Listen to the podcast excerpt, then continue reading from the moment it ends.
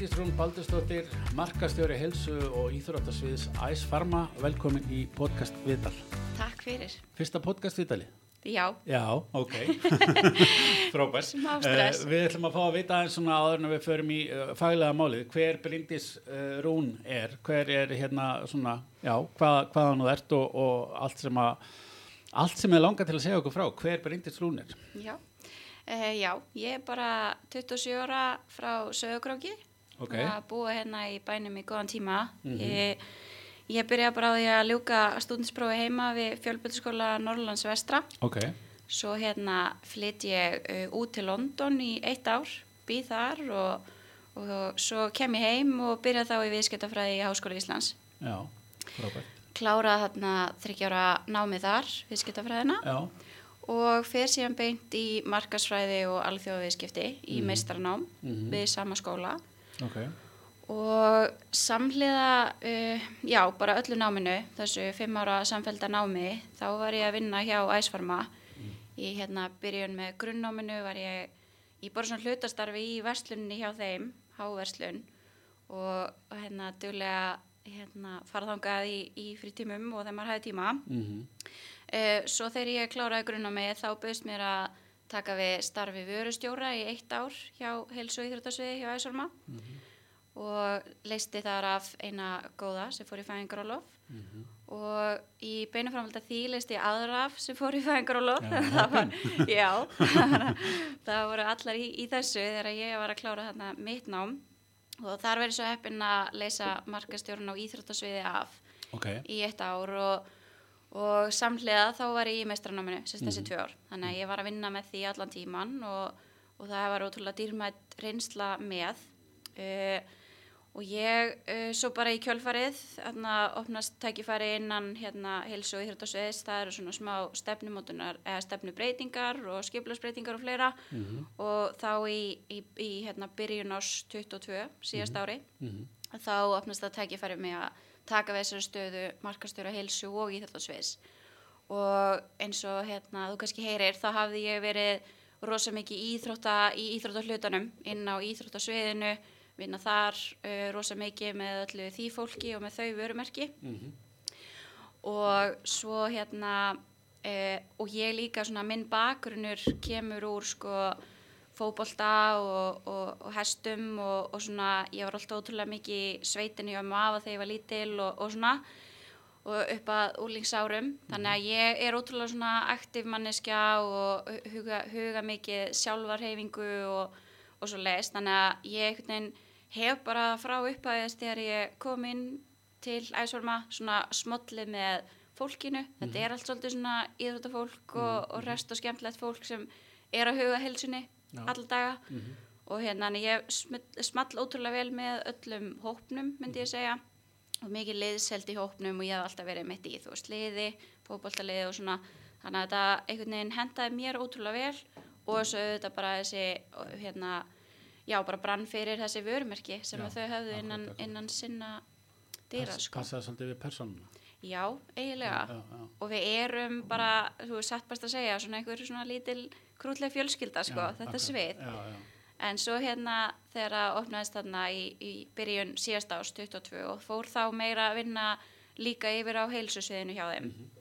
Og þar eru við kannski meira í, í svona dagveru og, og vörum sem við erum að selja inn í að mestu matur, veslanir og, og apotek og fleira, bara svona sem dagveru markaði. Mhm.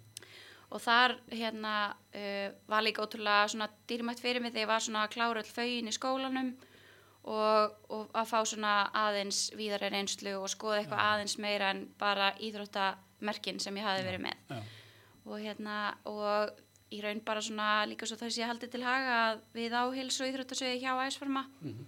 Við leggjum ótrúlega mikið upp úr því að að vörumerkin sem að við erum að, að selja og markasetta hérna á Íslandsmarkaði þetta eru flest allt uh, erlend vörumerki svona frekar uh, stór á, á sinn hátt og við leggjum upp úr því að þau svona portfólíu af vörumerkjónum miðar alltaf því að þau eru svona hafa ykkur sterka aðgreiningu með öll að því að stuðla heilbreyðari lífstíl fólks og, og svolítið svona reynum að, að fara svona vítt en ekki óvítt í að, að bjóða fólki upp á allt sem það þarf til að huga að heilsunni með okkur. Já, já, já.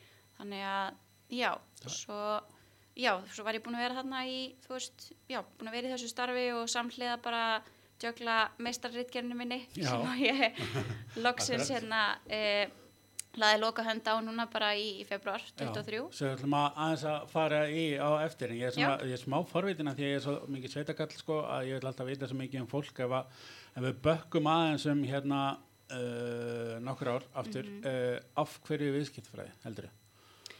Um, sko ég trúi því að hafa alveg komið svolítið bara svona frá, frá mér Mhm. en uh, af því að ég hafði þú veist svona já, eða svona a- alltaf vita á æsforma og svona hvað þau voru að gera og fólki þar að ég held að þau hafa svolítið kveikt líka meiri áhuga hjá mér í náminu þess að væri já. svo mikið að koma inn á hlutastarfið sem ég var í hjá þeim þú veist meðan ég var í grunnáminu. Mhm. þannig að það, það var ég alltaf svona að sjá ok, já, ég verð að gera þetta, ég sé mig fyrir mér í þessu. Já, já, Uh, en svo held ég að tengingin bara þetta, þú veist, að hafa svo mikið áhuga fólki. Og auðvitað er viðskiptafræðin uh, ótrúlega svona bara, þú veist, þverfaglegt og maður svona snertir á ýmsu í viðskiptalífinu. Og ástæðan fyrir að ég kannski fer svolítið mikið yfir í markaslutan af því, þú veist, auðvitað maður lærir hérna stjórnun og fer inn á fjármál og, og reikniskil og fleira í náminu sem er ótrúlega mikilvægt að snerta á því öllu. En ég fer svo ákveð að fara þessa svona sér, sérfræði þekkingarleið varandi markasfræðina. Þar held ég að sé bara áhugin hjá mér á fólki, ég er líka alveg svolítið svona tölukona, finnst það gaman, þú veist ég naut mín alveg í starfi vörustjóra í svona vörustýringu og byrðahaldi og þannig, þannig að það er svona, ég held að viðskiptafræðin hafi náðað uh, snerta á sem flestum svona áhugasöðum hjá mér. já, já, Þannig að, þú veist, og ég sé síðan núna komin alveg yfir í, þú veist, markasmálinn og, og þar sé minn fókus núna alla daga uh, og en, en á móti kemur veit ég samt hvað er ótrúlega mikilvægt að hafa líka hina þekkinguna og vera opinn fyrir því og ég held að sé ótrúlega mikilvægt líka að maður að vinna í svona teimi eins og ég og vinna inn á svona sviði og þvert á svið er að hafa uh, skilningin og áhugan á því að, að setja sér í spór annara líka og Já, skilja akkurat. þeirra Já, frábært þú veist, ég verði að skilja hérna bókarslutana ásöllu saman Mhm. og hérna, já, varandi stjórnun og stefnumótun og svona líka. Já, já. Bæði að skilja hérna innri og ytri viðskiptavinni. Já. já Akkurat, Bæði hérna samstagsfólk og, og, og svo það sem er að, að marka setja fyrir og vinna já, fyrir. og maður er svolítið staðan sem að ég er í dag er svolítið svona brúin þarna á milli og ég er að tala við hérna báða þessa hópa. Og markarsfræðin svona hefur, einmitt, kannski bara þá tikkað í öll bóksin. Þetta var svona kannski frekar að, hérna, en mögulega þú varst að leita einhverju sem að passaði fyrir þig og, og svona ómeð, meðvitað eða ómeðvitað og, og það hefur bara alveg passað og, og ekki séð eftir því. Ég bara algjörlega og, og svo bara eins og hérna maður veit að maður kemur út úr náminu og búin að sökka sér í þessa fræðigreinu svona þá er þetta náttúrulega að blanda út úr mörgum greinum, þú veist, þetta auðvitað tengist inn í hérna rekstur og fjármál en líka inn í sálfræði og félagsfræði og þannig að það eru svona marga fræðigreinu sem að koma einhvern veginn saman inn í markasvæðinni og það er auðvitað það, þú veist, þó sérfræðingur í markasmálum, þá ertu samt alltaf líka og, og, og sækja þér svona aukna þekkingur ímsum áttum og það styrkir þér síðan í, í markasmálunum. Mhm. Þannig að já, ég held að þetta hafi svona tikkað í öll bóks og svo bara svo fór ég líka að hugsa um bara svona þessi, þessi vinnudagur hjá manni, þú veist, Já. hann er ótrúlega fjölbreyttur og maður er að fara inn á hérna ímis, ímis mál og og já, bara svona þessi, þetta samstarf með fólki alla daga og skilja fólk og fylgjast með markaðinum og síðan er ég alveg líka svolítið mikið sölukona bara, þú veist, búin að vera hann í vestlunni lengi og, og kannski líka að maður fer tilbaka, þú veist, maður var bara heima í, í kaufilæginu að vinna þar og svona, Já, þannig að það er alltaf hérna ótrúlega stór hluti að mig líka og ég held að það sé mikilvægt fyrir markaðsfólk líka að brenna fyrir það, þú veist, hafa áhuga á sölunni og vera svolítið til í allt og Já, pröfa hluti og, og það að vera góð sölumæður er einhvern veginn skila sér líka ótrúlega vel inn í þetta, vera svolítið með þórið í að pröfa og segja og, og, hérna, og læra af mistökum eða ef það gekk ekki eins og maður ætlaði sér sko. Já, akkurat. Sko, við fyrir kannski betur í og eftir í, í, í fræðin og allt það, en uh, hérna, þau eru svona einhverjum alltaf svipuð og allt það, en, en hversu mikilvægt teluru að eins og núna ert þú að uh, starfa við, eða vinna með vörumerki og vörur sem að tengjast þér svona personni sem slíkri. Þannig að ef við gefum okkur það að þú verður að selja veiðarfæri í, í tógara og hefur aldrei komið nált í það, heldur að það væri uh, erfiðar að finna þennan,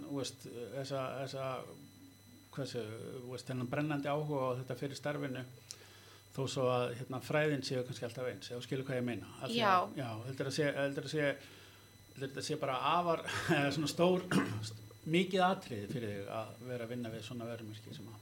Ég bara, ég er alveg 100% þessum að. Já, Þetta já. er bara, uh, já, hefur líka örgulega skilað mér bara þangað sem ég er í dag, þú veist, er að þetta er einhvern veginn bara svona svo náttúrulegt fyrir mér og þetta er allt svona frekar svona flæðir með mér ef að ég sæti einhvern veginn alltaf frammi fyrir því að, að vera að finna eða finna nistan hjá mér eða kveiki áhugan hjá mér á einhverju þá held ég að útkoman væri ekki að frábæra og hún, hún verður oft sko. Uh, já þannig að 100% maður verður að hafa alveg brennandi áhuga á uh, þeirri grein og þeirri vöru og því vörumerki og öllu sem tengist því sem þú ert að gera til að ná sem bestum árangri og eins og líka bara í stöðum í dag að stór hluti af starfinu er að fá fólk með mér lið, fá fólk með mér í að uh, kýla ákveðin verkefni og, og líka fyrir mig að hlusta á teimið, koma frábæra hugmyndir og að við hérna, séum opinn fyrir því að finna þeim góðan farfi og við getum það eiginlega alltaf vegna þess að teimið er vissulega alltaf miða því að að stula hérna góri helsu allra og bjóða upp á það flottasta vöruframbóði eins og hægt er að hverju sinni þannig að hugmyndirnar eiga alltaf vel við innan þess ramma. Og ef maður, veist, myndi ekki brenna fyrir það og vera tilbúin að henda upp einhverjum ívendum út um allan bæja kvöldinu um helgar og, og hérna stökk og staði þetta þegar það gefst tækifæri og, og þannig, þá held ég að maður myndi ekkit endast lengi í þessu sko. Nei. og það er líka örgulega ástæðan fyrir því að þú veist, fólk er eitthvað svona, já, þú hefur bara verið hjá æsfarma og já, ok og ekkert, þú veist, ekkert meira. Og eitthvað svona, nei, en innan æsfarma er ég búin að gera svo ótrúlega margt og fá svo mikið af alls konar tækifærum og mér finnst ég alveg búin að setja þarna í þrem störfum í rauninni eða þrem fjórum og, og það er svo mikilvægt að maður hafi líka rýmið innan hérna, fyrirtæki sem síja að vaksa og þróa og þróast áfram og, og hérna, já, og af því að maður hefur áhugan, þá held ég að maður sé alltaf tilbúin að hérna, taka áskoruninni að pröfu eitthvað nýtt og, og svo framvegis. Þannig að þetta er alveg mjög mikilvæg hluti, en auðvitað sem ég tek út úr háskólinna mér það að í grunninn út frá fræðunum, þá auðvitað erum við alltaf að, gera sambarlega hluti og við byggjum ótrúlega sterkum og skýrum grunni og það er mjög mikilvægt upp á fagmennsku markastarfsins að fólki sem er að leggja þannig grunn og setja línunar hafi þessa þekkingu, finnst mér. Uh, síðan í ofanálega kemur þá bara þetta skemmtilega. Ok, Já. hvað er ég með í höndunum, Já, hvernig get ég leikið mér innan þess þannig að já, við erum að gera fullt af ólíkum hlutum fyrir vörumerkin okkar Mm. sem við erum með en Já. hérna en já, þannig Það að þarf ekki endilega að hafa hérna, einmitt, verið í fótbolta eða verið á sjó eða eitthvað að vinna við vörumerkin sem ert að fara að vinna en, en allavega að hafa áhuga og vita og, og, og langa til þess að ná árangri.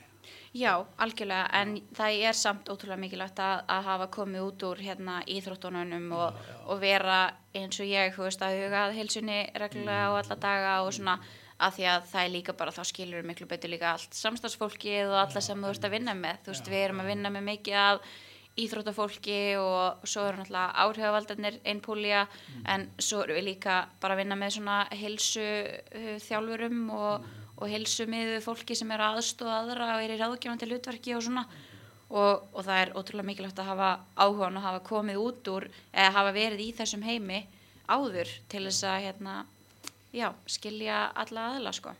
Kanski fyrir þá sem að hérna eru ekki með það á hreinu, ég nú ger ég bara ráð fyrir því, en hérna, ef þú segir okkur kannski bara stundum áli hvað Pharma er, bara svona upp á áframaldandi Já, samtal. akkurat.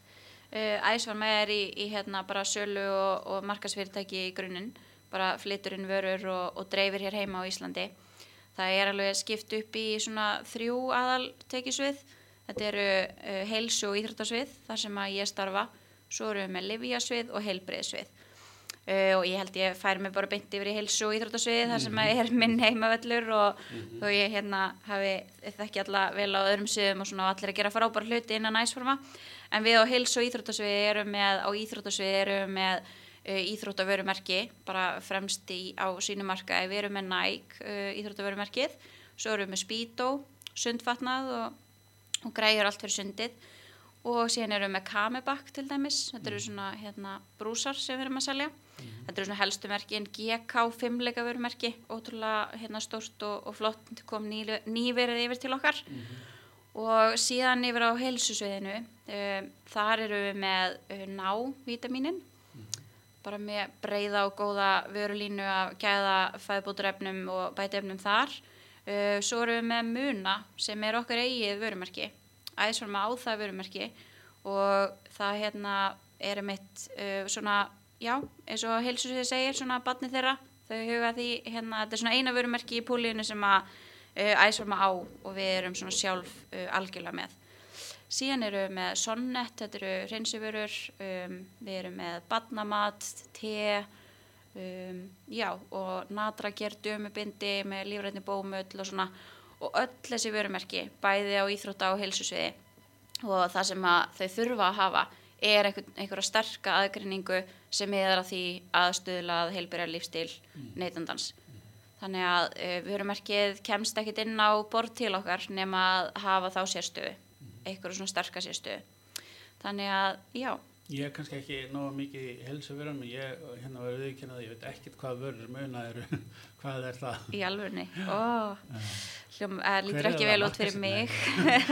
Nei, sko, hérna, já, ég meina ef ég er í markofnum, að þá, en, en allavega, hvað hva, hva, hvaða vörur er þetta? Munu eru hérna lífrannar uh, maturur, Já. Uh, mjög breið vörulína af alls konar bara, já, lífrannar vörur sem að við hérna, Er framleitar hér eða? nei, Nei, framleitar úti og eru pakkar fyrir okkur, já, undir okkar vörumerki og við erum svo að dreifa hérna heima. mm, Uh, við fórum í gegnum fyrir svona, já, tveimur árum, fórum við í gegnum svona endumörkun á vörumerkinu, það var aðsest himnes kollusta hér áður fyrr. já, ég kannast til það. Ah.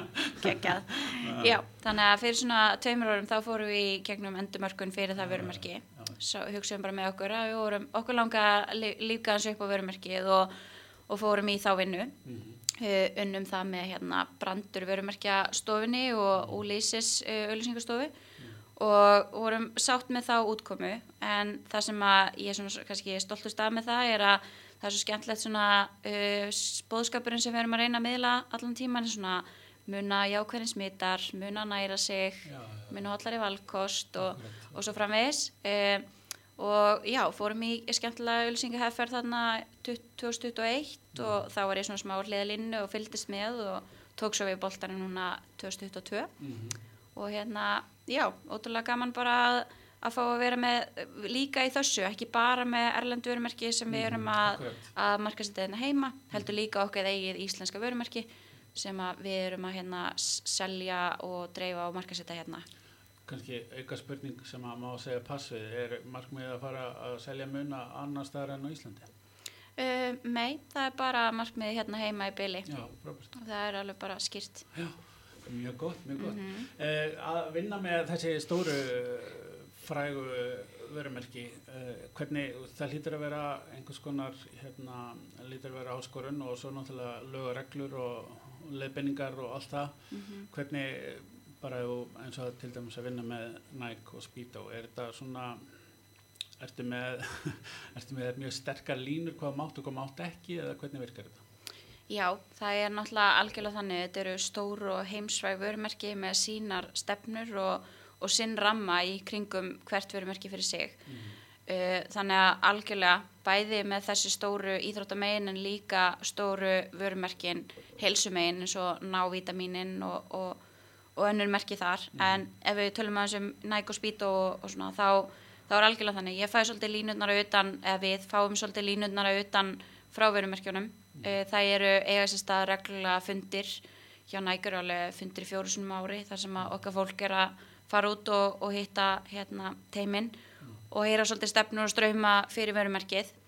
Uh, en auðvitað er Nike stórt og þekkt vörumerki og það sem að uh, markasækjarinar miða helsta sem við erum að fást við er að um, já, gera eitthvað svona annað og skemmtilegt. Uh, við erum svolítið að hælæta ákveðin pródökt sem er að, vörur sem er að koma inn. Uh, það eru svona stefnur og ströymar yfir árið og þannig að við erum svolítið að- stökka það með þeim. Nike setur svolítið línunar ok, þetta eru vörurnar sem verða í áherslu næstu þrjá mánuði Já, já. og, og, og setja hérna fókusin á það þá út á markaðina og við erum að, að auðvitað að taka þátt í því og, og miðla því hérna heima til okkar endur sölu aðila og, og svo framvegis. Þannig að e, við erum, en auðvitað það sem við erum líka alltaf að fást við er það að Íslandi er svolítið öðru sinna aðri markaðir. Við erum alltaf að útskýra e, fyrir byrgjónum okkar eða vörumörkjónum okkar úti að hérna, þetta er minni markaður, e, við erum í ótrúlega nánum sam, samskiptum og sambandi við okkar endursöluaðila, sölustæðin okkar, þetta er allt miklu nánara heldur en úti. Þetta er kannski ekki alveg þannig að þú setur upp eitthvað kampæn og það er bara allir að fylgja því nákvæmlega svona. Eh, Það, það við þurfum svolítið aðlaga þetta að okkar markaði. En, en auðvitað þá ber okkur skilda til þess að, að taka þær uh, stefnur og ströyma sem að vörumerkið setur fyrir eitthvað ákveði tímabil. Og það auðvitað provætur okkur mikið af efni til dæmis Nike eru náttúrulega framlega ótrúlega mikið efni sjálfur uh, en það sem hefur reynst okkur best er samt líka að nota íslensk andlit og íslenska aðeila í ölsingarna heima. Þannig að áherslan kemur kannski svolítið frá þeim sem við þurfum að fylgja en síðan eru við að aðlaga það á okkar markaði. Með því að hérna auðvitað náttúrulega líka að koma öll yfir á íslensku og okkar tungumál og svona. Og síðan líka þetta að, hérna velja uh, réttan hóp sem hópurinn hérna heima tengi við, markhópurinn hérna heima. Já. Þannig að það er það sem við erum og það er sama með Speedo. Uh, þar eru við, höfum verið að leggja áslá það vera með íslensk módel, framlega efni okkar sjálf hérna heima. Og um, þetta hljóma kannski svolítið skrítið hvað okkur ekki bara nota allt efnið frá hérna, vörumarkinu auðan en það er bara reynslu okkar að það sýnir sig að það virka betur hérna heima að vera með aðlaða efni að markanum og síðan má bara ekki gleyma að þetta land okkar er náttúrulega hérna, stórbrótið og ótrúlegt og við eigum ótrúlega mikið af flótti fólki og vörumerkjunum finnst þetta bara ótrúlega flotta sem við erum að gera. Þú veist, þegar við erum síðan að sína þeim já, við tókum þennan fókus sem þeir lögðu til og útfærðum að svona hjá okkur. Uh, stundum þurfum að fá leifi fyrir ákveðnum hlutum og, og sumt ekki. Það er bara svona misjætt þetta er starf verkefnisins en, hérna, en það er það sem er líka gaman er að það sem við getum gert hérna heima er bara eitthvað sem að margir geta bara ekki gert úti bara vegna smæð markaðarins. Og það á algjörlega líka við eins og heilsumegin þessar ótrúlega flottu og stóru framstillingar sem við getum gert í verslunum hérna heima bara með þessum sterku persónulegum tengslum við aðilana innan verslununa og góðu samstarfi við okkar söluaðila og endursöluaðila er eitthvað sem að bara valla sérst í þessum stóru hérna verslunarkjæðin múti heimi sko þannig að hérna já þetta er svona já maður þarf svolítið einhvern veginn alltaf að vera útskýra fyrir brandinu. Jú við munum taka þess áslu við munum framfylgja þessu kampæni sem við erum að setja upp en við fáum aðlagað á okkar markaði. Og svo lengi sem maður er duglegur að sína uh, ábyrðaðilega vörumerkisins sem er yfir okkar markaði allt það sem við erum að gera og það er stór hluti líka af starfinu mínu er að hérna, láta vita hvernig við erum að framkvæma hlutina og sína og taka saman myndir og vídeo og fleira til þess að hérna, upplýsa þann aðeilum það. Já, og þetta er bara góða samband við byrgjana sem við höfum. Það er bara svo dýrmætt. Þá fær maður næstu að gera hvað sem er. Já, það er hérna að því að, e, að þú myndist á það og, og hérna er, er eitt af mínum hu- hugarefnum og áhugamál e, myndir og myndbönd og, og slikt er hérna e, ég var einn svona markastelt hjá ferðarskristofu og þar varum við að fara á norðurljósa tímabila að byrja og og þá var að velta fyrir þessu norðurljósa myndum og hérna svo var svona verið að gera grína því að hvort að notum bara ekki sem við verðum búin að gera í mörg ára því að ekki breyta snorðurljósi mjög mikið þannig að líti alltaf eins út og, eða líti aldrei eins út en, en, en e, já, þú skilur hvað ég við en, Já. en það er doldið mikið öðru sem er hérna, þessi, þessar vörur og þetta þarf að búa til ferst og nýtt efni og allt það hvernig Hvernig er bara eh, ferlið, áskorunin, eh, bara sambandi við bara efnisframleysli í mark, markas efnisframleysli? Er þetta ekki, er þetta ekki bara endalus vinna? Þetta er það, þetta er endurlega svinna það er heila, þú svaraði þessu þar en hérna, Uh, jú, algjörlega. Það er uh, stór hluti af okkar verkefni, bara markast teimisins í heild. Mm. Teimisins sem að ég er að vinna með og með mér í teimi uh, sem erum að vinna fyrir heils og íðrættasvið eru tvær frábærar stúlkur með mér. Mm. Það er Kolbrún Pálina sem er í textasmíðum og efnusköpun og hún er mm. svolítið að koma sterkinn í hugmyndavinnuna og fleira og ótrúlega frjó í því og, og gerir allt ótrúlega fagmannlega þar sem að hérna, hún framkvæmir. Og síðan er það með Kristínu Ásu sem er svona markasfulltrúin í teiminu okkar. Hefur verið innanvekja heilsusviðsins í fjölda ára þannig að hún kemur með goða reynslu þar inn í teimið. Og stór hluti af okkar verkefni eh, eða verkefnum bara dagstaglega er þetta efnisframlegsla mm. e, við vinnum það sjálfsögum mjög náið með sviðunum bæði inn á Íþrótta og heilsusviði síðan eru við svo heppin að við erum með innan hús hjá okkur uh, hön, svona deilt sem heitir hönnun og stafræni miðlar Þar eru við með tvo grafíska hönnuði og síðan eru við með einna aðla sem er í þessum stafrannum miðlum fyrir okkur. Uh, er svolítið að sjá um allar heimasíðunar okkar og aðstofa okkur í því, öllu Google-auðlýsingum, byrta fyrir okkur á samfélagsmiðlum og, og svo framvegis við getum haldið eins og þú þekkir endalust áfram í þeim álum. Ég held að fólk sínum bara fa við fara að vita hvað er á baki það starfi í dag og svona. Þannig að þetta er svona stóðsvið innan hos okkur og við vinnum mikið með þeim og náum með þeim í efnisframleyslunni. Eh, þannig að já, innan hús erum við með tvo grafíska hönniði uh, og þær vinna náið með okkur þegar við erum síðan að fara í aðra efnisköpun ja.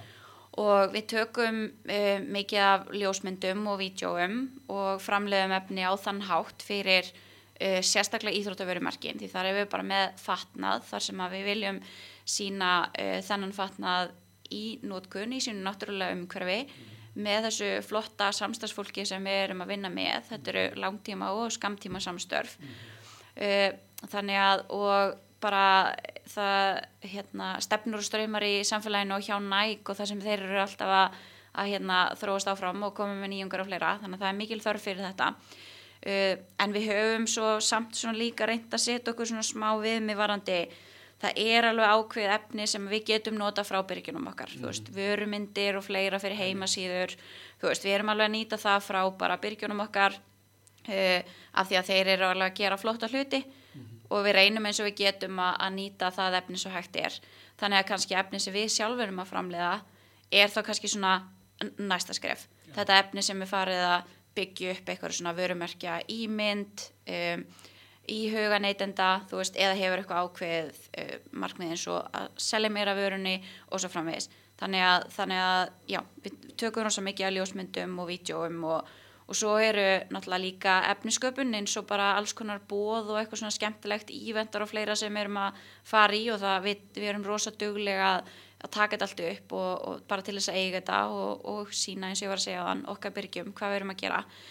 Um, þannig að þetta er alltaf hluti efniskopinu líka. Þetta er ekki bara einhverja svona alveg veru ljósmyndir eða eitthvað svo leiðis heldur erum við líka að fara í svona ímyndar myndatökur þar sem við erum að fara á einhverja svona aðra staði fara í svo kannski herra klass af ljósmyndum eða aðeins meira budget í það og það sem er náttúrulega mikilvægt er að eins og íþróttamegin er að við erum að halda við öllum sölustöðunum okkar, við þurfum mikið að ljósmyndum fyrir það til þess að uppfara allt efni út á markanum og vera með nýtt og færst efni og nýtt og færst fólk sem er að gera góða hluti að hverju, hverju sinni þannig að þetta krefst hérna, já, mikillar uh, framleyslu á efni mm. Og en ef við fyrir kannski bara aftur í þú veist áhugan, það er að mér finnst það alltaf ótrúlega gaman og ég elska þegar við erum úti í myndatökum og maður er að frjósa á haldandi á einhverju til að lýsingi verði fullkominn og, og þannig að það er hluti af starfinu líka, þú veist, að vera úti að, að hérna, já, í svona skemmtilegum verkefnum. Og, og kannski ef við fyrir maður aftur inn í svona hvernig við erum að, að vinna þetta og svo leiðist þá eins og jú með hérna þessar tvo grafísku hönni og aðlinnan þessar stóðsviðs með okkur en svo höfum við verið að leita bara í ívertaka og aðila utan hús í að aðstofa okkur í að taka þessar ljósmyndir og framleiða þessi vídeo með okkur og þetta efni sem okkur langar að gera og hugmyndin hugmyndin eh, á oftast eh, rætur að rekja bara innan hús í okkur. Hún kemur upp í okkur, það kemur einhver þörf eða eitthvað skemmtileg hugmynd og okkur langar að gera eitthvað. Eh, við mótum hana og finnum aðeins út ok, hvernig sjáum við þetta fyrir okkur? Og svo erum við duglega að leita utan á síðala mm. ljósmynda og, og videotöku fólk mm. og hérna bæði einstaklinga bara svona í verktakavinnu en svo höfum við líka í alveg stærri verkunum leita bara til auðvisingastofu mm. þú veist og fengið uh, hana með okkur inn í, inn í hérna og oft eru í stærri verkunum en það er að koma með okkur aðeins fyrir inn í ferlið akkurat. inn í hugmyndavinnuna líka, Já, taka hana áfram með okkur og hérna og koma sér alveg yfir í framleysluna með okkur. Þannig að þetta er svona, já við vinnum að hluta til eitthvað innan og sjá okkur, uh, svona kannski, uh, ég langar ekki að segja minni verkefni en svona verkefni sem við teljum okkur bara geta valdið bara mjög öðlega og, og hérna erum bara þjálfið í og höfum svona tilfinninguna fyrir því öllu sem við erum að gera.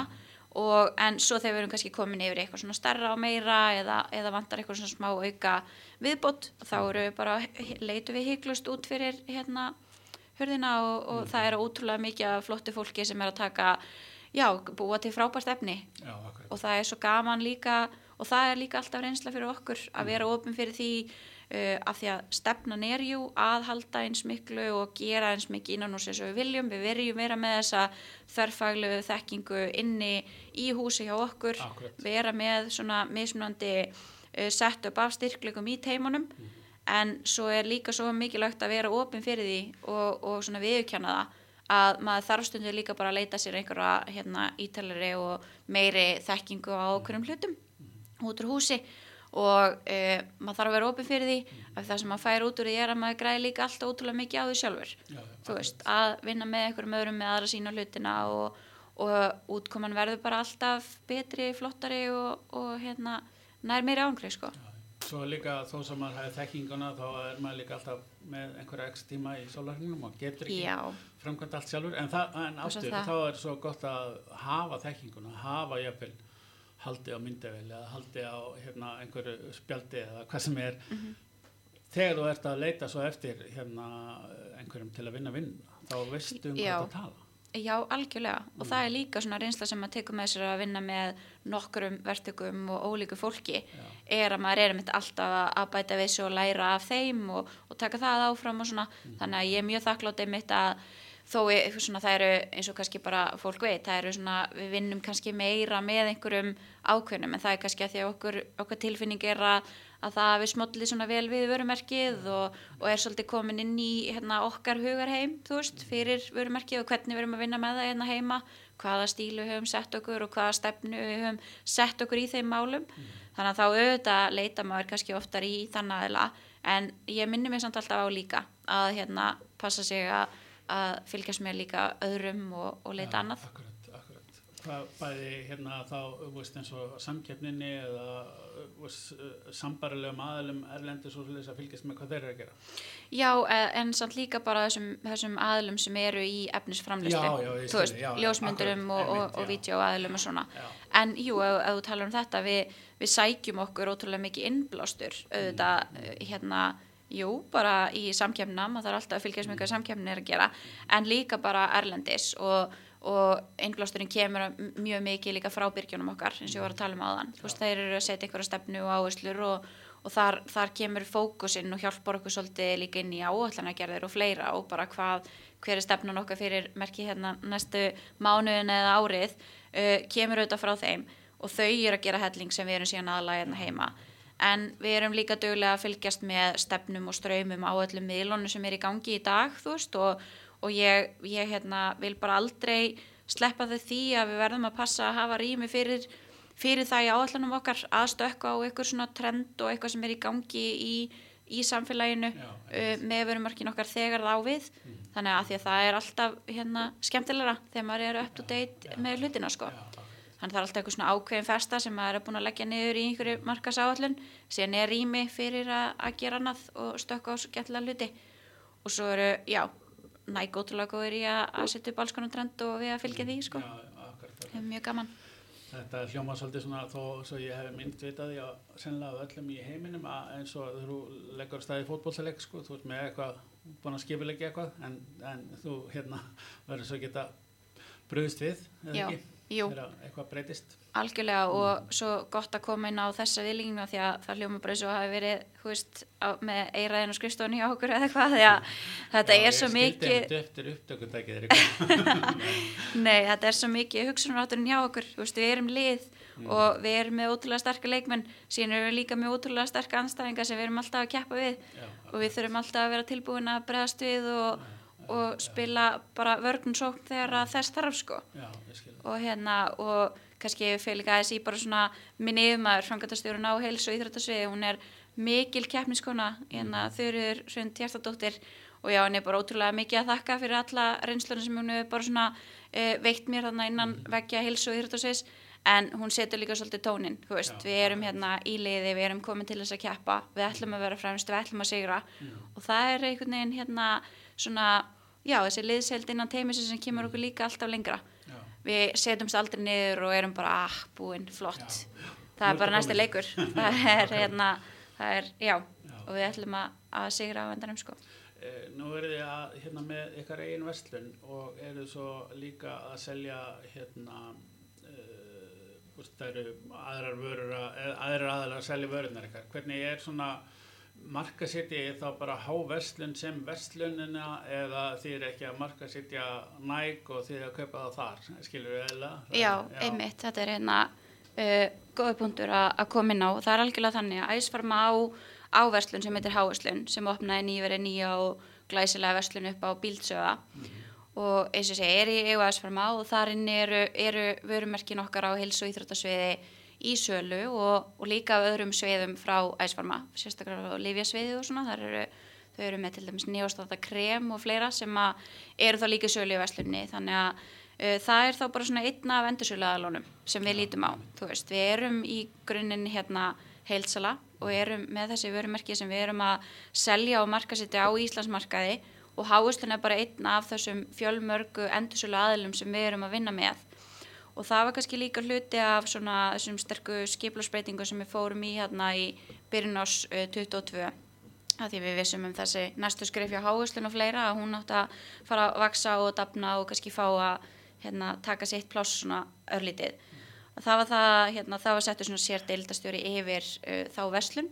Uh, hún var færð út úr húsi þú veist, sem er all hluti af því líka að uh, passa upp á þessa aðgreiningu þannig að mitt starf snýr algjörlega því að hugsa um vörumerkin sem við erum með í heilsölunni selja og markasetja þau á markaðinum uh, og líta bara á háuslunni svo hérna annan endursólu aðila eins og alla aðra sem að við erum með innan okkar veggja.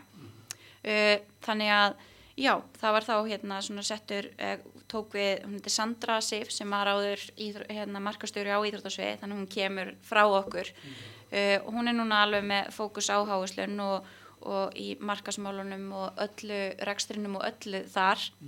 Uh, þannig að já, háuslun stendur núna bara einu sér og, og fór í bara ótrúlega flotta endumörkun að vinnu þar í, í hérna á sama tíma við vorum að opna nýju verslunna og hérna og erum, ég er ótrúlega bara stolt af öllu sem þau eru að gera og ótrúlega flott hjá þeim. Og hérna, já, þannig að eins og segja, en okkar markmið eru auðvitað alltaf bara allir okkar endursölu aðilar og sölu aðilar e, skíni á markaðinum, gangi vel hjá öllum. Því það er okkar hagur, þá gengur vörumörkinu okkar vel. Og hérna og við leggjum mikið upp úr góðum sam, samböndum og samskiptum við þessa aðila. Og, og hluti af því er náttúrulega veist, við, eins og með Nike þú veist, í, í markasækjurum þá vinnum við mikið með íventa og fleira. Akkurat. og, og hérna það er svolítið leiðin okkar að, vinna með endursöluaðalunum okkar til þess að jú, gera vörumerkin okkar sínilega innan, innan þeirra raða er að fara í einhvers konar samstöru með þeim. Sem dæmi má nefna við heldum þarna utanvegar hlaup með votbúð, það var Nike X votbúð. Heldum utanvegar hlaup hérna í, á Holmsegarsvæðinu í kringum MBL húsið svo eru við e, komum að svona crossfit móti með Workclass Workclass er einn af stórum samstagsæðilum okkar með Nike og við höldum crossfit mót með þeim höfum verið að gera núna svona haust og vormót. Uh, annar ótrúlega flottur ívent sem er hefði hérna á 17. júni niður með bæ er svona streetball körfuboltamót með húrra. Þannig að og þetta er alltaf ótrúlega gaman að, að hérna, vinna með, með hérna, sölualum okkar og gera eitthvað skemmtilegt með þeim. Og sama tíma ótrúlega góð verumerki uppbygging fyrir næk á Íslandi á sama tíma. Og styrkja samböndin Og eru, er, hafa, hafa verið einhver svona viðbyrju að því að, að við erum nú bæðið að landsbyðinni, það er eitthvað verið að vinna með svona viðbyrju þar? Já, ég þarf eiginlega að fá hérna sterkar landsbyggðafólk með mér í liðinni. Já, já, mér svo leiðis. Já, en hérna ég er alltaf, hvað með landsbyggðina? Ég vil ekki að gera eitthvað skemmtilegt á Akureyri eða svona höfustar Norrlands og þannig. En jú, við fókusum að sjálfsögum mikið á landsbyggðina. Ég minna við seljum í allar maturöfeslanir, alveg jáft á höfuborgarsæðin eins og á landsbyggðinni. Uh, við erum með mikið af íþróttaveru veslunum uh, út um all land á Akureyri og Ílstöðum og, og fleiri stöðum.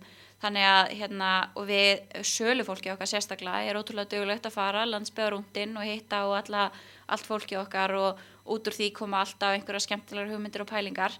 En uh, bara svona kannski gott og gott ég að vera að minnast á þetta og íta við mér að bara Akureyri við munum koma og gera eitthvað skemmtilegt þar. Það er hérna Þannig að ef kannski einhverja Við- eitthvað samstagsæðlum á landsbyrni er að hlusta á þeim með hugmynda frábærum viðbyrði sem hann langar að halda þá bara senda það línu og aðtökur stilt vera með. já, bara eða þú veist þarf ekki eins og aðtöga, ég er klár sko Já, já. 100% Frábært. já, Algjörlega frábært. Uh, segðu mér hérna, uh, já, næsta, næsti dagskrölu til hamingi með meistaragráði í markaðsfræði og alþjóða viðskiptum frá Háskóla Íslands. Takk hérlega fyrir Hérna, uh, það er, þú veist, hérna, við ætlum aðeins að fara í, hérna, ræða rítgerna sem við veist algjörlega hérna, frábært, uh, frábært titill á og, og margt úr í henni sem ég er aðeins búin að fá að glugga í hana. En hérna, bara fyrst aðeins um, um námið, svona, nú ertu búin að útskrifast, þannig að þú getur sagt að það hefur verið ömulegt eða var það, eða frábært eða var það, það er enginn sem getur. Uh, bara, þú segir okkur bara svona, jafnvel fyrir þá sem eru að hugsa um að skella sér eða hérna er búin að vera eitthvað að sitja á hliðalínni ef þú segir okkur næst bara hvernig námið var uppbyggt og, og svona hvað þeir fannst standa upp úr og hvað mætti betur fara? Já, uh, já, meistaranámið í, í Háskóla Íslands í markasvæði og alþjóðavískjötum. Ég, hérna, ég var náttúrulega í því svona á þessum COVID-tímum, þurfum alltaf að fara í þessa COVID-tíma. En hérna, uh, þannig að það var alveg að hluta til, í byrjaði og þá var bara allt í blóma og við mættum í tíma og ótrúlega gaman og þetta er náttúrulega svona allt, allt annað en grunnámið. Mm. Grunnáminu er bara fjöldin allir af fólki og þú svolítið bara svona kynnist þínum hóp og og þeir eru svolítið saman og deilið ykkar pælingum og hugsunum þannig er ég síðan komin í meistranámið og þar eru við munfærri miða við hérna í grunnnáminu ég, ég held að við kannski verið þú veist eitthvað í kringum 20-25 eða eitthvað svo les og hérna og það breytir þessu náttúrulega öllu þú veist, bara svona kennslu stundunum og, og hérna hvernig það allt var. Þannig að ég hefði fyrra árið þá vorum við í skólanum og vorum að hittast og, og hérna í tímum. Setna árið fór að megninu til bara fram á í gegnum netið, bara hérna fjár kennslu, prófin voru þú veist líka í svona fjár dæmi í gegnum tölvu, þú veist munlegi í gegnum tölvu og allt þetta ég hef kannski bara svona smá svegt, þú veist. Ég hefði svo miklu meira að vilja og, og bara að því ég er svo mikil félagsvera og ég hef svo gaman að það fólki og, og, og hérna heyra pælingar annara og deila mínum pælingum og hugmyndum og, og fá feedbackið og svona. Það gerist ekkert alveg eins þarna í gegnum netið sko. Nei, nei. en hérna ef ég reyn þá bara svona hugsa um, um fyrra árið að þá uh, já bara svona ótrúlega fjölbreyttur hópur og þarna er fólk að koma úr eins og ég nefndi áðan úr mismunandi grunnámum, þú veist viðskiptafræðinni fjármá, uh, hérna uh, hvað sem er ferðamálafræðinni þú veist sálfræðinni, félagsfræðinni. Þú veist það er að koma úr ýmsum áttum. Það er að koma beint úr náminu. Það er líka að koma uh, eftir smá fjárveru frá námi þú veist pásu frá námi, koma með sína reynslu frá um, vinnumarkanum og, og það var svo frábært að, heyra hérna mismöndi sín hópsins á, á hérna námsefnið og bara það sem við vorum að læra í skólanum. Og kannski svona ég fer aðeins í námsefnið og svona þá var þetta náttúrulega bara farið mun dýbra í hlutina enn í, í grunnáminu og maður svona kafiði í hérna fræðin sem ég síðan gerði svo ennþá meira í rítgerðinu minni, sérstaklega markasfræðin en það sem ég tek svona mestu út úr náminu er þetta að maður lærði mikið af um, mótilum og ferlum og svona úr kennslubókunum sem að maður í dag fylgir bara algjörlega, þú Já, veist, það er ok. alveg þannig. Já, þú veist, það eru ákveðin módel og það er kannski það sem ég líka svolítið síni í reitgerinu minni að það eru ákveðin svona módel þarna úr fræðunum sem ég læri í skólanum sem að er hluti af vinnudeginum hans alldaga og ég held að markasfólk það, það bara gleymi sér, þetta er bara orðið hluti af manni og maður er ekki lengur eitthvað sem ég læri þetta í skólanum og þess vegna er ég að gera þetta svona, svona, svona Nei, heldur, það, þú veist, það er bara búið að fara það mikið og oft yfir hlutina og djúft í hlutina með alls konar svona uh, raundæmum inn í, inn í þessi mótel að þau verða bara hluti af manni. Og það er held ég kemur maður bara út úr skólanum og maður svona, er, er maður búin að læra nógu, ég er búin að læra hellinga hvernig gerir þetta síðan og, og hvað hva er framöndan og, og svo framvegis. En síðan svona eftir því sem maður svona bara fer að vinna meira og, og afla sér svona reynslu og fástu hlutina þá finnum maður bara að þetta er hluti af manni. Þú veist, og maður er bara búin að tilenga sér þetta þetta eru svona ákveð vinnubröð og svona hugsunarháttur. Þú veist, það er búið að svolítið svona kveiki á þessu elementi hjá manni gaggrínu hugsun á hlutina þú veist, stefnumótandi hugsun uh, og rými til breytinga, þú veist, við fórum í gegnum breytingastjórnun í náminu þannig að það voru svona e, stiklað á eins og flestu sem maður er síðan að fást við í starfinu sínu. En ég viðkenni fúslega og það er það sem að hérna kannski kveiki neistan að mistarriðgerna minni er það að þannig er ég búin að vera í fimm ára í námi og læra ótrúlega mikið, veist, um fræðin eins og ég segi, fullt af mótilum sem ég er búin að læra og tilenga mér uh, gera fullt af hópverkunum vinna með alls konar fólki og svo framvegis. Uh, en síðan komaði ok, og hvað svo? Þú veist, hvernig mun ég nýta með þetta og, og hvernig passa ég líka upp á að ég sé að nýta þetta og sé að fylgja öllu sem ég er búin að læra. Og þannig kom einhvern veginn svona kveiknaði nistinn fyrir mistarriðgerna sem ber síðan heitið viðhorf markarsfólks til faglegs markastarfs af því að ég hef líka alltaf sett mér mjög skýr markmið ég sjálf að ég vil framkvæma hlutina vel, gera þá vel gera þá faglega og sérstaklega eftir hérna, allt þetta nám, ég vil nýta mér það ég vildi fá sem mest út úr náminu og ég ætlaði að tilengja mér allt sem ég er búin að læra. Ekki bara sópa því í töskuna og hafa það þar og, og nýta ekki öll þessi verkværi sem ég var búin að fá í töskuna. Um, þannig að ég var svona bara að ræða við leiðbyrjanda minn og hvað ætti ég að gera? Og maður er alltaf rosa fræðilegur og ég þarf að bæta ykkur í fræðin ég fara að fara dýbra í þetta hugtak og sjá hvort ég geti ykkur komið ykkur auka skilgreiningu á það eða eitthvað svona mjög fræðilegt. En svo var bara svona spurning sem hann spurði mér svona, já en Bryndís hvað er það sem að þig langar að komast að núna? Þú veist. og ég bara eitthvað svona fór í gegnum þetta allt með honum sem ég var að segja við því segja já, þá bara talar við flotta, flott markasfólk sem hefur náð fram á skarandi árangri fær bara að setjast niður með þeim spjalla við þau og, og heyra bara þeirra sín á hlutina og læra af þeim. Og ég bara, já, ég get alveg. Ég, þú veist og hérna, og, og það var svo eitthvað svo létt. Og þá var alltaf svo spennt og ég var svo til í þetta bara taka þessi rítgerð og bara já, klára hana, loksins að ég ábúin að vera hann í starfi með, með og svona. E, þannig að þannig einhvern veginn svona kviknaði neistinn fyrir rítgerðinni og til þess að byggja svona hann á einhverju fræðlegum grunni þá fór ég bara dýpra í bara svona hvernig fræðigrinn hafið þróast í gegnum tíðina kannski síðastliðin 20 ár. Og þess að þú komst inn á áðan fræðin breytast ekkert mikið. Það er bara allt í kring sem er að breytast uh, miðlarnir uh, þær aðferðir og, og svona uh, umhverfi sem er að taka einhverjum breytingum. En við erum alltaf að taka það bara inn í fræðin og aðlaga það. Uh, þannig að það var kannski svona helsta niðurstaðan út úr fyrir hlutanum. Og svo er það rannsóknin þar sem ég tók við fimm aðila. Uh, allt fólk sem að hafði lokið þessari mentun mistara gráðu í markasfræði og alþjóðaviskiptum og svo margir komni lengra, einhverju búið með MBA og fleira. Sumir voru í störfum í dag sem markastjórar, aðrir voru e, búnir að vera að vinna sem markastjórar og komnir kannski í einhverja aðra stöður í dag, framgættustjórar eða, eða fórstuðumenn einhverja svona markasmála og stefnumótunar. E, þannig ég var e, ótrúlega þakklátt, þekk þarna kannski 45 til 60 mínútum með hverjum og einum og rætti bara um starfið og þeirra, uh, þeirra reynslu og, og hérna, já, svona þeirra feril. Já, og svo er bara þannig að, þú veist, ef þið hafið bara áhuga á því þá myndi ég bara heiklust fara inn í ritgin og lesa niðurstöðkaflan, sko, þú veist, af því að það er langt skemmtilegasti hlutin fyrir einn almenna hérna leikmann að lesa. Og, og ég held að svona það geti margir grætt á ritgerinni ég er náttúrulega bara sjálfsögðu mest sem er bara frábært og ég gerði það nú svolítið fyrir mig en ég vissum að ungir markastjórar og fólk sem er að koma út úr náminu þetta er góð lesning fyrir það fólk. Líka bara til að róa taugarnar. Já. veist, já, þetta verður alltaf lægi það er aðlegt og það var svo gott að heyra frá þeim öllum, þau voru öll rosa blöyt á bakvegirinn, kom út úr náminu og svona, já, Já, hvað er framöndan þar sem ég sat á mótið og ég er þar núna, þú veist. já. En hérna, uh, já, þannig að ég held sér góð lesning fyrir alla unga og, og líka bara góð fyrir aðla sem er eða fyrirtæki og markasfólk sem eru kannski í einhverjum stefnubreitingum og aðeins að svona hugsa um hvernig þeir eru að gera hlutina. Það er svolítið stiklað á öllu sem maður ætti að vera að passa upp á að vera með í lagi hjá sér.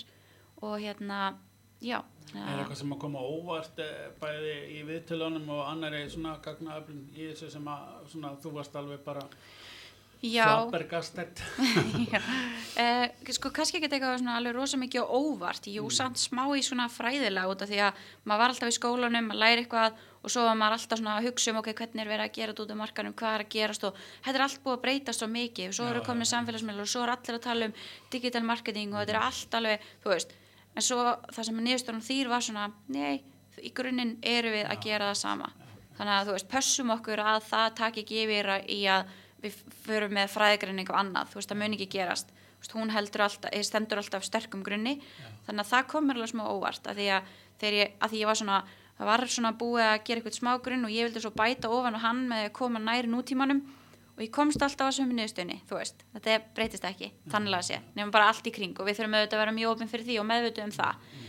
Varandi viðtölinn þá um, já, kom mér á óvart en þú veist, ekki óvart var bara þetta að uh, við erum, við þurfum alltaf að passa að halda okkur við, þurfum alltaf að passa að vera tilbúin að hérna uh, fylgjast með öllu sem er að gerast og vera svolítið þetta opinn fyrir hugmyndum, opinn fyrir að stökkva á nýjungar og pröfu eitthvað og að vera svolítið þórin það var eiginlega svona það sem að og það peppaði mig svolítið svona eftir að ég var búin að vera hana í viðtölunum var bara svona að þóra að gera hlutina. Þú veist hvernig þú átt að gera þá ok, taktu þessu hugmynd, framkvæmdana uh, m- mældu vel og fylgstu vel með hvernig gengur. Og það gengur ekki vel, það er allt í góðu. Já, þú veist, þú, það, þá bara þarfst að aðlaga eitthvað, þú þarfst að breyta einhver aðeins og svo pröfar það bara aftur og sér hvort það virkar.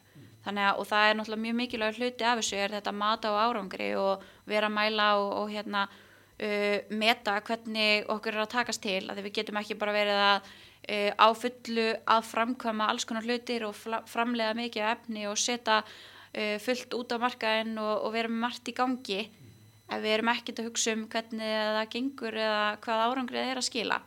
Þannig við þurfum að passa okkur á og ég er hérna mikið líka í svona markarsrannsóknum og kenni það í háskólum og svona og þannig að þetta er mér líka alltaf mjög ofalega huga. Þú veist, þetta getur ekki bara verið eitthvað svona að fá hugmyndir og gera eitthvað og gera og gera og gera.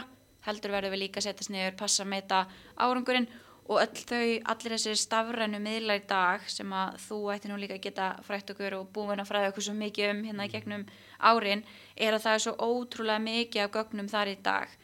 Og ég held að, og það var það sem kom líka út úr hérna viðtölunum mínum var það að eftir því sem við getum gert uh, markasfræðina og markasstörfin og fleira meira gagna drefin þá mun okkur takast betur til þú veist, við erum, það er svo mikið af gögnum sem við höfum aðgangað og það er líka svona mikilvægt að koma út úr viðskiptafræði hérna grunninum. Er jú þetta hérna skilningurinn á tölum og, og öllu þessu og, og rekstri og fleira er að hafa þetta element í sig líka. Þú veist, að vera rýn í gögnin, sjá hvernig gengur gera ykkur breytingar, mæla aftur og, og passa upp á þetta Mér og finnst þetta að góða punktur, eh, sko, gögn er gagslega sem það er engan skilning á þeim, sko. Þannig Já, já, það akkurat. er alveg bara, og, og, og líka, þú ert ekki með eitthvað markmið eða góð og veist ekki hvert þú ert að fara, þá, svo lýsa í undarlandi, þá skiptir engum máli, sko, hvað gögnin segja, eða, veist, hvað, hvað, hvað gögn þú ert með. já, Þannig já, akkurat er- og, og ég e, í mínu starfi í dag, þú veist, þá er ég með þarna í, í stóðsöðinu mínu svona aðila þarna í stafrænum miðlum. Og ég leita rosa mikið til hans og, og hann hérna stiður við mig í því af því að það geta ekki allir verið sérfræðingur í öllu. Og markastur í dag getur ekki verið með þú veist, bestur í öllu. Þú þarft að vera líka og það er það sem ég tók líka út úr viðtölum. Þarft að vera tilbúin og, og sjá ljósi í því að raði kringu frábæri fólki með svo mikið styrklegum og hefni og, og óleika sína á hlutina en samt með sömu sko framtíðasínina og stefnu sínina síðan með sína, þetta er svona góð blanda af hópnum og ég held að þú raðar í kringu góðu og, og hérna fólki með ólíka styrkleika að þá verður alltaf besta útkoman þannig sko Ég, hjó, ég er sammálað því, ég hjó í hérna, svo sem margar frábæra sendingar, en meðal annars að hérna, úr reitgerinni, markasfólk þarf að varast að einblýna ekki um of á einn útfærslu hluta markastarfsins þar að segja auðlýsingar. Mm -hmm. Það er náttúrulega, ég hef náttúrulega verið að vinna kannski með uh, í gegnum tíðina fyrirtækjum sem eru, svo, eru pínu, pínu, pínu lítill, þannig að það er mm hérna, með, veist, eins manns eða fjara manna eða eitthvað, þannig að það er kannski ekki svona er ekki markastjóri og þetta allt saman og mm -hmm. það fyrir þeim er svo oft bara markastarf auðlýsingar og ekkert annað mm -hmm. en mhm. í hérna uh, svona þessum viðtölum og þessari vinnu sem þú vannst að þá hérna er þetta öðru og stærra en, en samt sem áður veist, kemur þessi hérna setning að varast að einblýna ekki um og að það sé markastarfi sé bara hvað er verið auðlýsa og er það ekki svona eitthvað Jú, það, eitthvað. jú, algjörlega Já. og svo góð áminning líka fyrir mig og aðra unga aðla sem er að byrja á markanum mm. að koma á stað og þú segir ekki heiminn bara með því að fara í frábara auðlýsingaherferð og, og byrt og byrt og byrt og byrt og fullu auðlýsingar, mm. veist. Það er ekki það sem skilar mestum árangri inn í end. Við þurfum að passa okkur að uh, vinna vel stefnumótuna vinnuna mm. þú veist, passa að auglýsingar er bara einn uh, ángi af þessum öllum kynningaráðum sem við lærum í fræðunum og það er svo mikilvægt sem að kemur líka fram í rítgerni er það að auglýsingar er bara eitt og verður alltaf hluti af starfinu og verður alltaf e, eitt hluti af því Já. þessum kynningar leiðum en allar hýna leiðinar eru líka svo mikilvægar mm og það sem ég læri líka í náminu er vörumerkja stýring og, og vörumerkja uppbygging og svo leiðis og þetta er útrúlega tengt, við erum oftast með eitthvað vörumerki á bakvið það sem við erum að byggja upp. Um, þannig að uh, það sem að ég svona uh, fekk út úr þessum vitulum og þessi setning og, og var svolítið svona dreyið saman í niðurstöðunum kemur líka út frá því að það er svo, það er svo auðvelt að vera dreyin inn í þetta að festast bara í auðlýsingunum og uh, við, við gefum okkur ekki tíma í allt annað af því að það tekur tíma að vera að sinna auðlýsingarhlutunum það er ótrúlega skemmtilegt og það er gaman og þú hérna, getur að rýna í alls konar tölur og, og svo framvegis. Uh, en þarna var svo góð setning sem að hérna, eitt sagði í viðtölunum var að þá ertu bara svo hamstur hjóli bara hleypur og hleypur og hleypur í þessu hjóli og þú bara kemst ekkit út úr því. Þannig að maður takir með þetta ákvörðunum það að fara út úr því og líta á þetta sem bara svona eina leið í, í hérna þessu markasaðgerðum eða kynningar leiðum sem að getur farið fyrir vörunýðina eða þegar þú ert að byggja upp vörumerkið. Og það er svona e, og kannski svo öðuldri mig líka að tengja við þetta skrifa þetta niður er það að ég er að vinna með stóru vörumerki eins og næg þar sem að auglýsingar eru bara alls ekki stæðst í hlutin þar eru samstarfsamningar þú veist það eru PR fréttatilkynningar sem eru sterkar þú veist þetta eru uh, endursölu aðlanir okkar, bara vestlaninnar okkar. Þetta er ótrúlega stór hluti af, af hérna markas aðgerð, þú veist, að uppfara þær allar. Uh, það eru svona product placement á ýmsum stöðum sem að gefur okkur miklu meira heldur en þessi auglýsing og, og hérna þannig að það eru uh, fleiri leiðir og aðrar leiðir sem, og þessir íventar sem ég tala um áðan og svona sem við erum að fara og þetta er allt markasækjarir þú veist, mm. þannig að auglýsingar eru ekki bara það eina nei, nei. það er svo margt annað okay. og líka þetta sem ég mikið mun að tala um er samstarfi við endursulagalinn okkur og svona mm. og það er líka bara þetta umtal og þetta word of mouth mm. og það er svo miklu sterkara heldur en hérna allt annað sko mm. þannig að það er þessi svona náttúrulega markasetning eða organic marketing sem við viljum vera sterk í. Já, eh, en auglýsingar er og verður alltaf hluti af því. Og, og svo er bara mismunandi með hvernig vörumerki þú ert með á hvaða stað er þetta vörumerki eða varan sem þú ert með eða þjónustan sem þú ert að bjóða upp á hvaða leið þú þarfst að velja. Svo bara stundum þegar þú ert í þannig kampæni eða þannig herrferð að þá þarfstu að leggja mikla, miklar áherslur á auðlýsingar þú ætlar að ná mikill í dekkun og þú ætlar að láta vita og svo leiðis þannig að og auðvitað eru kannski þessi minni fyrirtæki sem eins og þú ert að vinna fyrir og svona þau eru svolítið á þeim stað. Þau bara þekkja þau fáir þau eru bara að byrja og þau halda að veist, þetta sé bara fyrsta. Já, jú geti verið en það þarf samt að því að hitt er um, alls ekkert flókið Nei. og líka ofta tíum bara skemmtilegra og gefur þér meira og, og ef við fyrir í tengslaniti og svona þá bara byggjur það miklu frekar upp eldur en í ykkurum byrtingum og ölsingum sko. Mm, en mjög mikilvægt að bara passa festast ekki þar Já, í þessu hjóli. Hafa hérna opinu og vera að hugsa um hérna, festast ekki í einhverju einu. Já. E, loka svona á endarsprettin, svona hvað er, hvað er þitt hérna, hvað er þín leið að halda þér við uh, og, og, og festast ekki á einum stað, að halda þér við eins og til dæmis bara í uh, um markas, núna verður búin að skilja rítgerinu og svona og þá hérna til þess að festast ekki í, í því og, og læra ekki neitt nýtt, hvað er svona þín leið að aflaður upplýsinga og læra meira? Já, aftur þá get ég komið að hérna rítgerni þarna því að ég svolítið líka spurði mína viðmjölundur út í það þú veist bara til að fá líka smá hugmyndir og ráð frá þeim og svona. Og þannig að ég er alveg komið með svona uh, hugmyndir um hvernig ég vil gera þetta og svona en hvernig ég er að gera þetta í dag er að um, eftir að, þegar ég kláraði að grunna mig í skólanum þá bauðst mér það að fara inn í kennslu í háskólanum og hef bæði verið bara verið í svona stundakennslu, sjá um svona hópverkefni og verkefni og fleira í einhverjum námskefum en svo er alltaf að koma meira og meira inn í fyrirlestrarna og kennslu þar í háskólanum. Þannig að og mér langar að hérna bara halda því áfram af því að það er svo mikilvægt að vera líka að hlusta á allt hérna allar nefndunar okkar sem eru með allar sínar hugmyndir og pælingar og það heldur manni ferskum í því að fara tilbaki í fræðin, minna sig á ég er endalust að miðla þessu til nýraðila sem er að mótaka það heldur mig ferskum í að passa upp á það um, eða ferskri að, passa upp á það.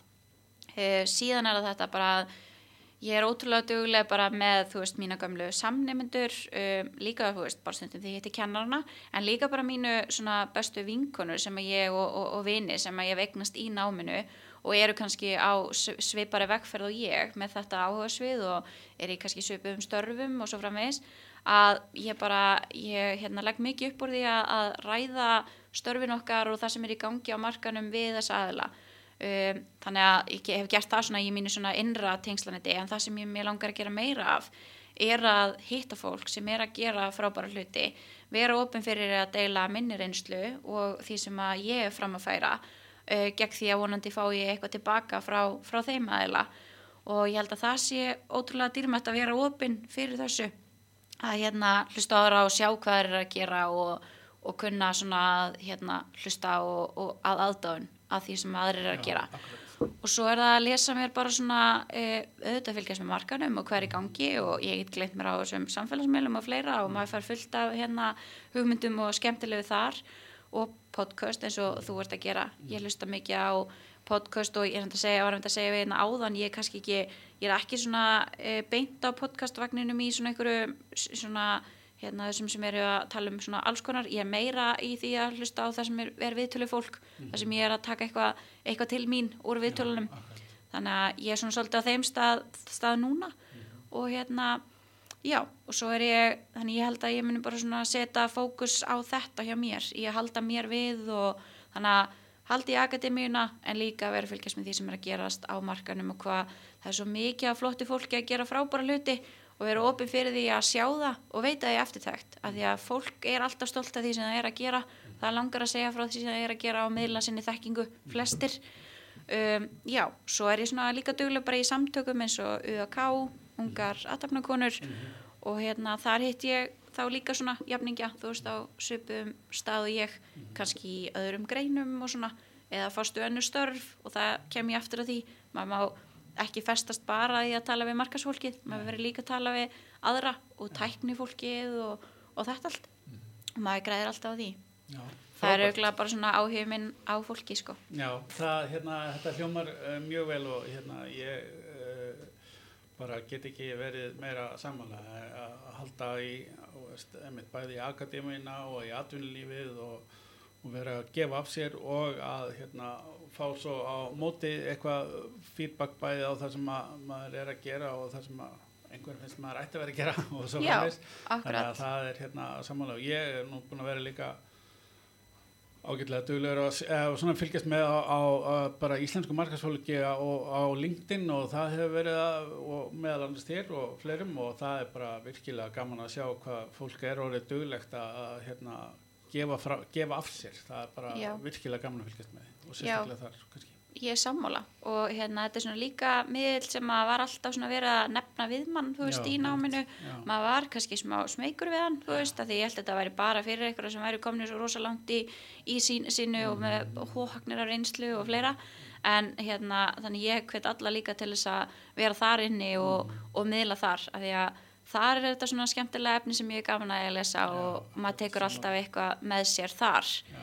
Þannig að það er betra eða tímunum þar en kannski endilega á TikTok eða eitthvað leis Herðu, frábært, bara algjörlega, já, hérna, fullkomið hérna spjalla mínu viti, að, ég er búin að læra helling og hérna er bara spenntur að fá að fylgjast með og þú ert greinilega hérna framtíðina fyrir í þessu og, og nútíðina, þannig að ég bara takk kærlega fyrir komuna, Bryndís.